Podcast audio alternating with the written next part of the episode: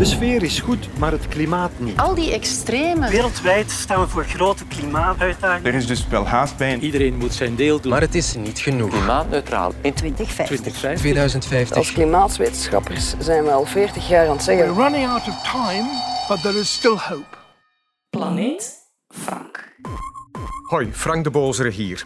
Jullie stuurden me via de site en via hashtag planeetfrank.vrt.be weer interessante vragen. Onder andere over getijden in de atmosfeer en over de grote gevaren van een zonnestorm. Maar we beginnen met een hot topic, letterlijk en figuurlijk. Is it hot outside? I really can't stay. Baby, it's hot outside. Extreme temperaturen. Nooit geziene hitte. Baby, it's hot outside. Hallo, ik heb een vraag in verband met de recordtemperaturen. Was Ukkel van de 19e eeuw niet landelijker gelegen dan het Ukkel van nu, met het Brussels grootwestelijk gebied in de buurt? Is het bijvoorbeeld niet beter om de Botranche als keuze te nemen? Ja, jij hebt het zeker ook al gemerkt. Een stad houdt de warmte langer vast dan het platteland. Men spreekt over het warmte-eiland-effect, Urban Heat Island. In een stad is minder groen, beton en asfalt blijven lang nagloeien. De grootste temperatuurverschillen tussen de stad en het platteland worden gemeten op heldere dagen met weinig wind aan het begin van de nacht. Ik voel het bijvoorbeeld als ik op een warme zomeravond met mijn fiets de grote ring van Brussel kruis. Eens buiten de ring is er soms een verschil van 3 of 4 graden. Brussel is de voorbije eeuwen fel gegroeid. Alleen al tussen 1955 en 2006 is de gemiddelde ondoorlaatbaarheidsgraad, de, de hardheid van de bodem, is die gestegen van 26 naar 47 procent. Veel meer verharding dus, betonering, gebouwen en dan nog eens extra warmteproductie van verbrandingsgassen, airco's enzovoort. KMI heeft voor de voorbije decennia de waarnemingen van het landelijke Brussegem, op 13 kilometer van Brussel Centrum, vergeleken met Ukkel. Zowel de minimum- als de maximumtemperatuur stijgen sneller in Ukkel. En het verschil met het platteland wordt groter met de tijd. De minima stijgen bovendien bijna drie maal zo snel als de maxima. Wat we dus inderdaad merken, hè, tijdens een warme periode zijn de zomernachten in de stad veel drukkender dan op de buiten. Verkoeling zoeken voor het slapen gaan is dan de boodschap. Met wiskundige modellen is berekend dat de verstedelijking de gemiddelde temperatuur in Ukkel per 10 jaar met gemiddeld 0,09 graad Celsius doet stijgen. Ongeveer 25 procent van de temperatuurstijging in de zomer tussen 1960 en 1999 zou op die manier terug te voeren zijn tot het warmte-eiland-effect. Concreet, de klimaatopwarming is reëel en laat zich overal voelen, maar in steden komt daar nog eens een extra factor bij. Aangezien er wereldwijd meer en meer mensen naar de stad trekken, zal dat probleem in de toekomst alles nog erger maken. Voor het centrum van Brussel verwachten we in het meest pessimistische scenario, waar we nu op afstevenen, in het jaar 2100 een verdrievoudiging van het aantal hittegolven. De intensiteit van de hittegolven verdubbelt en de duur van de hittegolven neemt toe met 50 procent. Met dat Urban Heat Island zou je de vraag kunnen stellen of we inderdaad niet beter de waarnemingen van pakweg signaal de Botrange gebruiken probleem daarmee is dat die waarnemingen absoluut niet zo ver teruggaan in de tijd. Voor Ukkel hebben we een waarnemingsreeks die begint in 1833, meteen een van de langste waarnemingsreeksen ter wereld. Wat kunnen we doen om dat warmte-eiland-effect te verkleinen, tenslotte? Wel, maak daken en wegen witter, zodat ze meer licht weerkaatsen. Dat zou de temperatuur met 0,45 graden doen dalen. Maak de stad groener met meer bomen en parken. Dat kan 33 procent van de hittegolven vermijden. Breng water in de stad en probeer gebouwen zo te ontwerpen dat airco veel minder nodig is. Talking to them. Willen jullie meer weten over de maan? Kom dan met me mee. Je hebt app, een lekker breed strand om op te chillen. En bij vloed leg je opeens hutje-mutje met je blote benen in de nek van de buurman. Dag Frank, Roel uit Aarschot hier. We weten allemaal dat de maan een enorme invloed heeft op het water in onze zeeën. Ze zorgt immers voor eb en vloed. Dat is dus een grote verplaatsing van een hele grote massa water. Maar uiteraard kent onze planeet ook een grote massa lucht in de dampkring. Heeft de maan hier ook invloed op? Mijn vraag is dus, heeft de wind ook een getijdenwerking? Bedankt. Goeie vraag, Roel. Sinds Isaac Newton weten we dat de maan trekt aan de aarde. Het wateroppervlak dat naar de maan toegekeerd is, wordt meer aangetrokken door de maan en dat veroorzaakt een soort waterberg. Helemaal aan de andere kant van de wereld wordt het water in grote zeeën juist veel minder aangetrokken. Ook daar ontstaat een waterberg.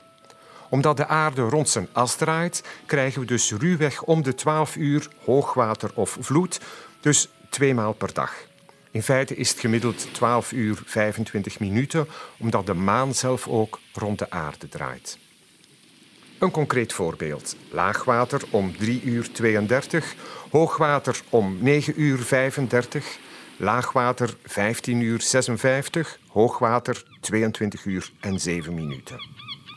Pierre-Simon Laplace, zeg maar de Franse Newton, die leefde een eeuw na Isaac Newton, verfijnde de theorie zodat ze ook toepasbaar was op lucht.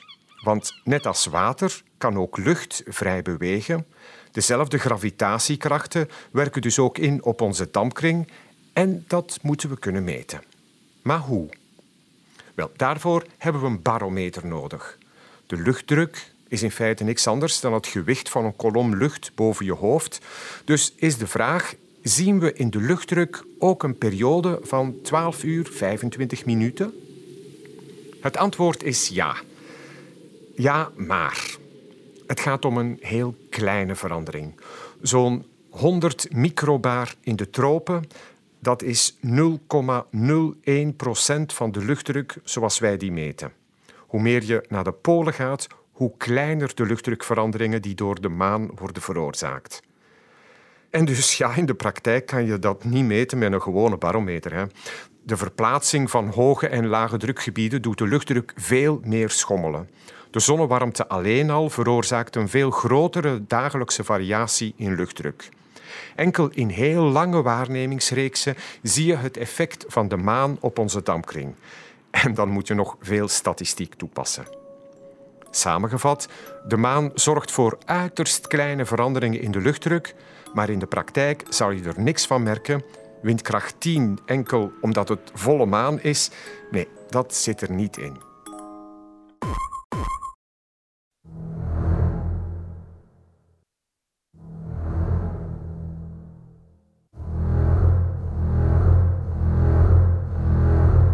Zonnevlammen of solar flares. Earth-directed solar storms. Giant waves of magnetism and the hot electrically charged gas.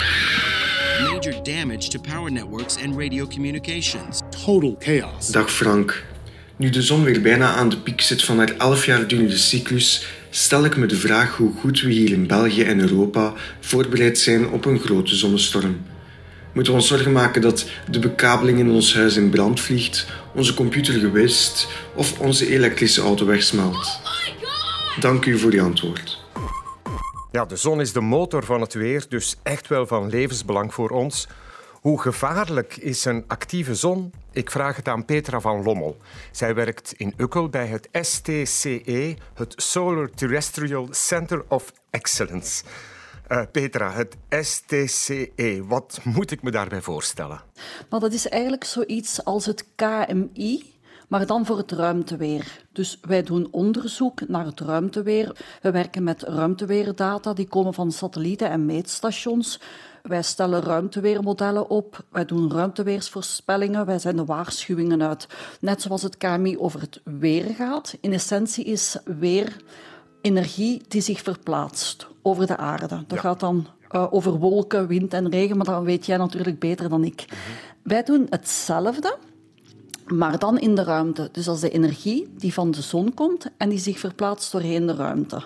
Want dus in de ruimte is geen lucht en al die dingen, maar uh, ja, er zijn wel allerlei elektrisch geladen deeltjes en zo. En, en dat is dus wat jullie met ruimteweer bedoelen. Eigenlijk, dat is de energie die van de zon komt, die zich verplaatst en die bestuderen wij. Dus die houden wij in de gaten. En er zijn in de ruimte drie ruimteweerfenomenen. Dus uh, er is continu energie die vrijkomt van op de zon in de vorm van licht. Dat kennen we allemaal als je naar buiten kijkt of je bent buiten. Het licht dat je ziet, dat is zonlicht. Dan is er nog een, een tweede ruimteweerfenomeen, dat is wind, zonnewind. Dat is massa die van de zon wegwaait en zich verspreidt in de ruimte. En dan nog een derde ruimteweerfenomeen, dat zijn deeltjes die ontsnappen van op de zon en in de ruimte zich voortbewegen. Dus dat is er continu, die zonnewind, dat licht dat ontsnapt, die deeltjes. Maar het kan nu ook wel gebeuren dat er een plotse uitbarsting is van energie. En dan spreken we van een zonnestorm. Er is op de zon een instabiliteit, een magnetische kortsluiting, zeg maar. En dan komt er plots heel veel energie vrij in de vorm van lichtflitsen, heel straffe wolken. En een derde luik daarin zijn grote pakketten deeltjes die plots heel snel worden en de ruimte en de aarde bombarderen. Ja, ik dacht net, men spreekt over een, een flare, dat opeens hup, alles eruit wordt gegooid. Ja, die eerste soort zonnestorm, dat zijn die lichtflitsen. Dus dat zijn letterlijk flitsen van licht die dat je op de zon ziet.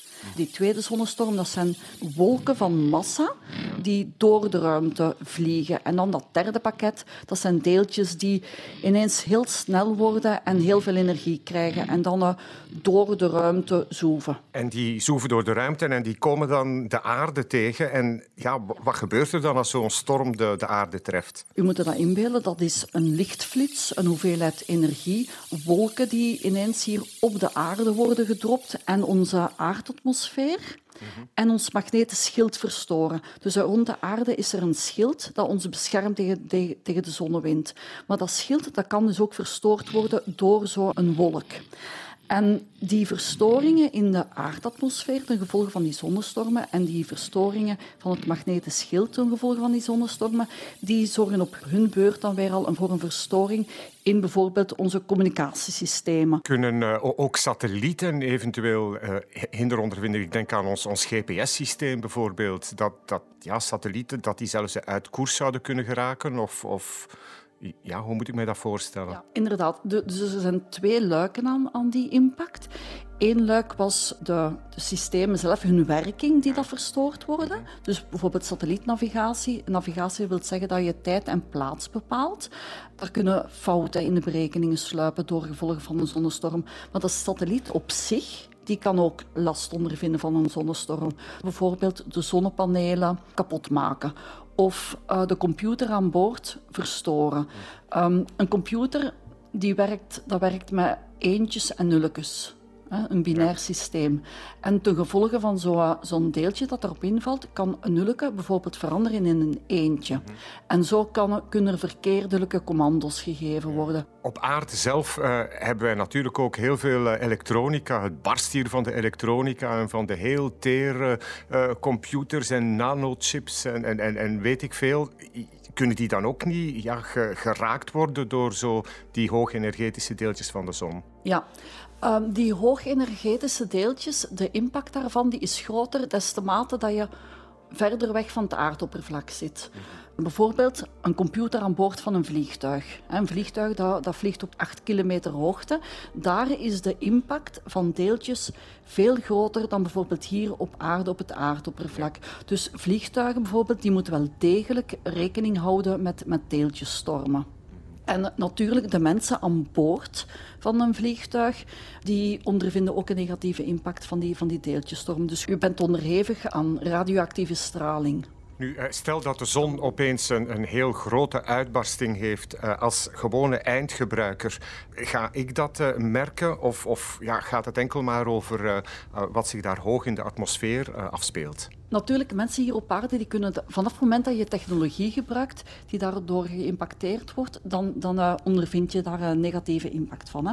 Bijvoorbeeld, je zendt een radiosignaal uit en dan kan dat zijn ten gevolge van een zonnestorm dat uw ontvanger dat radiosignaal kwijtgeraakt. Maar zelf als biologisch uh, wezen moet je hier op het aardoppervlak niet echt schrik hebben. Uh, wat dat er nu wel nog kan gebeuren, wat dat je last van kan hebben, is uh, stel je voor dat er zo'n superstorm zou aankomen, waardoor dat het elektriciteitsnetwerk plat ligt. Natuurlijk heb je daar dan last van. Maar zo'n superstorm, dat gebeurt um, ja, ten tijde van, van onze hoogtechnologische wereld is dat nog niet echt gebeurd, Mhm. zo'n super-superstorm. Maar in uh, 1989, toen was er wel een heel grote, een grote zonnewolk die aangekomen was. En toen heeft in Quebec negen uur uit het elektriciteitsnetwerk platgelegen. Dus er is wel degelijk een impact. Ah, en dan nog een voorbeeld van 2015. Toen was er ook een, een vrij grote zonnestorm.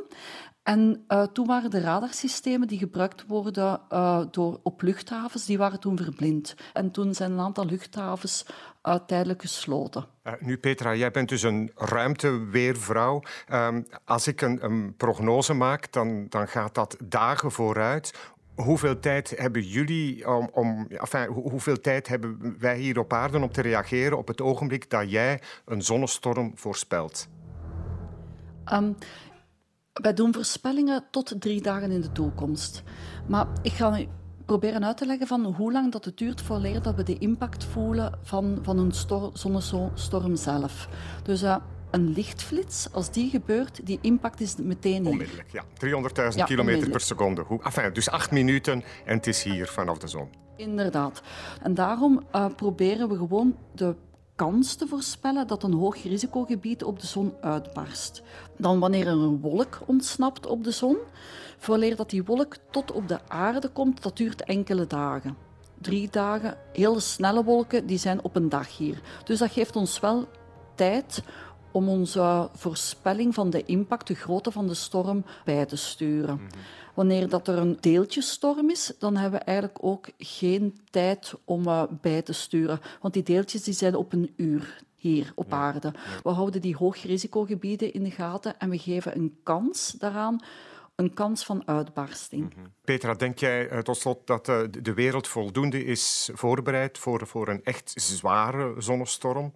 Stel je voor dat er een mega superstorm is, dan is de impact zo groot. Dan kan ik eigenlijk niet zeggen wat er echt gaat gebeuren. Natuurlijk, bijvoorbeeld grote elektriciteitsbedrijven, netwerken, die zouden wel maatregelen kunnen treffen, bijvoorbeeld door een aantal uh, centrales af te koppelen, af te koppelen, zodanig dat de impact van die geïnduceerde stromen beperkt wordt. Petra, dank u wel. Uh, goeie weervrouw en... Uh...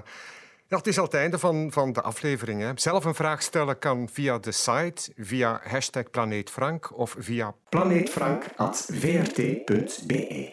Tot volgende keer. Dit was een podcast van VRT Nieuws. Je vindt er meer op de podcastpagina van vrtnieuws.be of via de podcast-app op je smartphone.